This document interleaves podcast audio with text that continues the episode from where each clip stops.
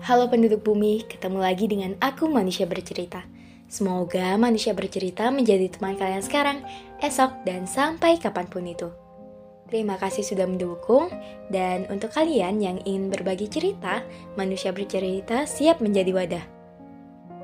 Untuk kalian yang mau mengirimkan cerita, kalian bisa langsung saja kirim ke email podcastmanusiabercerita@gmail.com. Ditunggu ceritanya. Di podcast kali ini, manusia bercerita akan mengangkat topik tentang jatuh cinta di usia 20 tahunan. Oke, selamat mendengarkan. Di usia 20 tahunan, kamu bakalan ngerasain fase bingung. Ngerasa nggak pantas buat siapa-siapa. Bingung memilih antara cita-cita dan cinta. Terlebih, Jatuh cinta di usia 20 tahunan ini lebih mengajarkan arti ketulusan. Bahwa cinta nggak semuanya tentang penerimaan. Barangkali kebaikannya hanya untuk membalas kebaikanmu. Dan merasa iba atas waktu yang sudah kamu berikan untuknya. Untuk mendengarkan ceritanya, untuk menemani dia berproses. Kamu yang awalnya merasa dia juga punya perasaan yang sama, tapi rupanya kamu salah menerka. Gak semua bentuk perhatian berupa kasih sayang. Bisa jadi karena kasihan. Kalau pesanmu belum dibalas, itu berarti semacam kode untukmu. Ya, kode untuk mundur perlahan. Ya, agak menyakitkan, tapi itu kenyataan.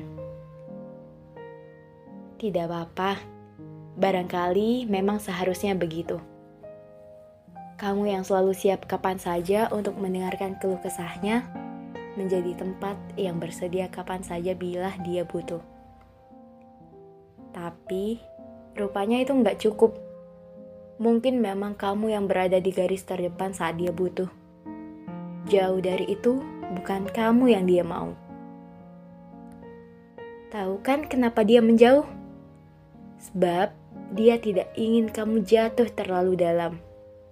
Menaruh perasaan suka pada orang yang salah.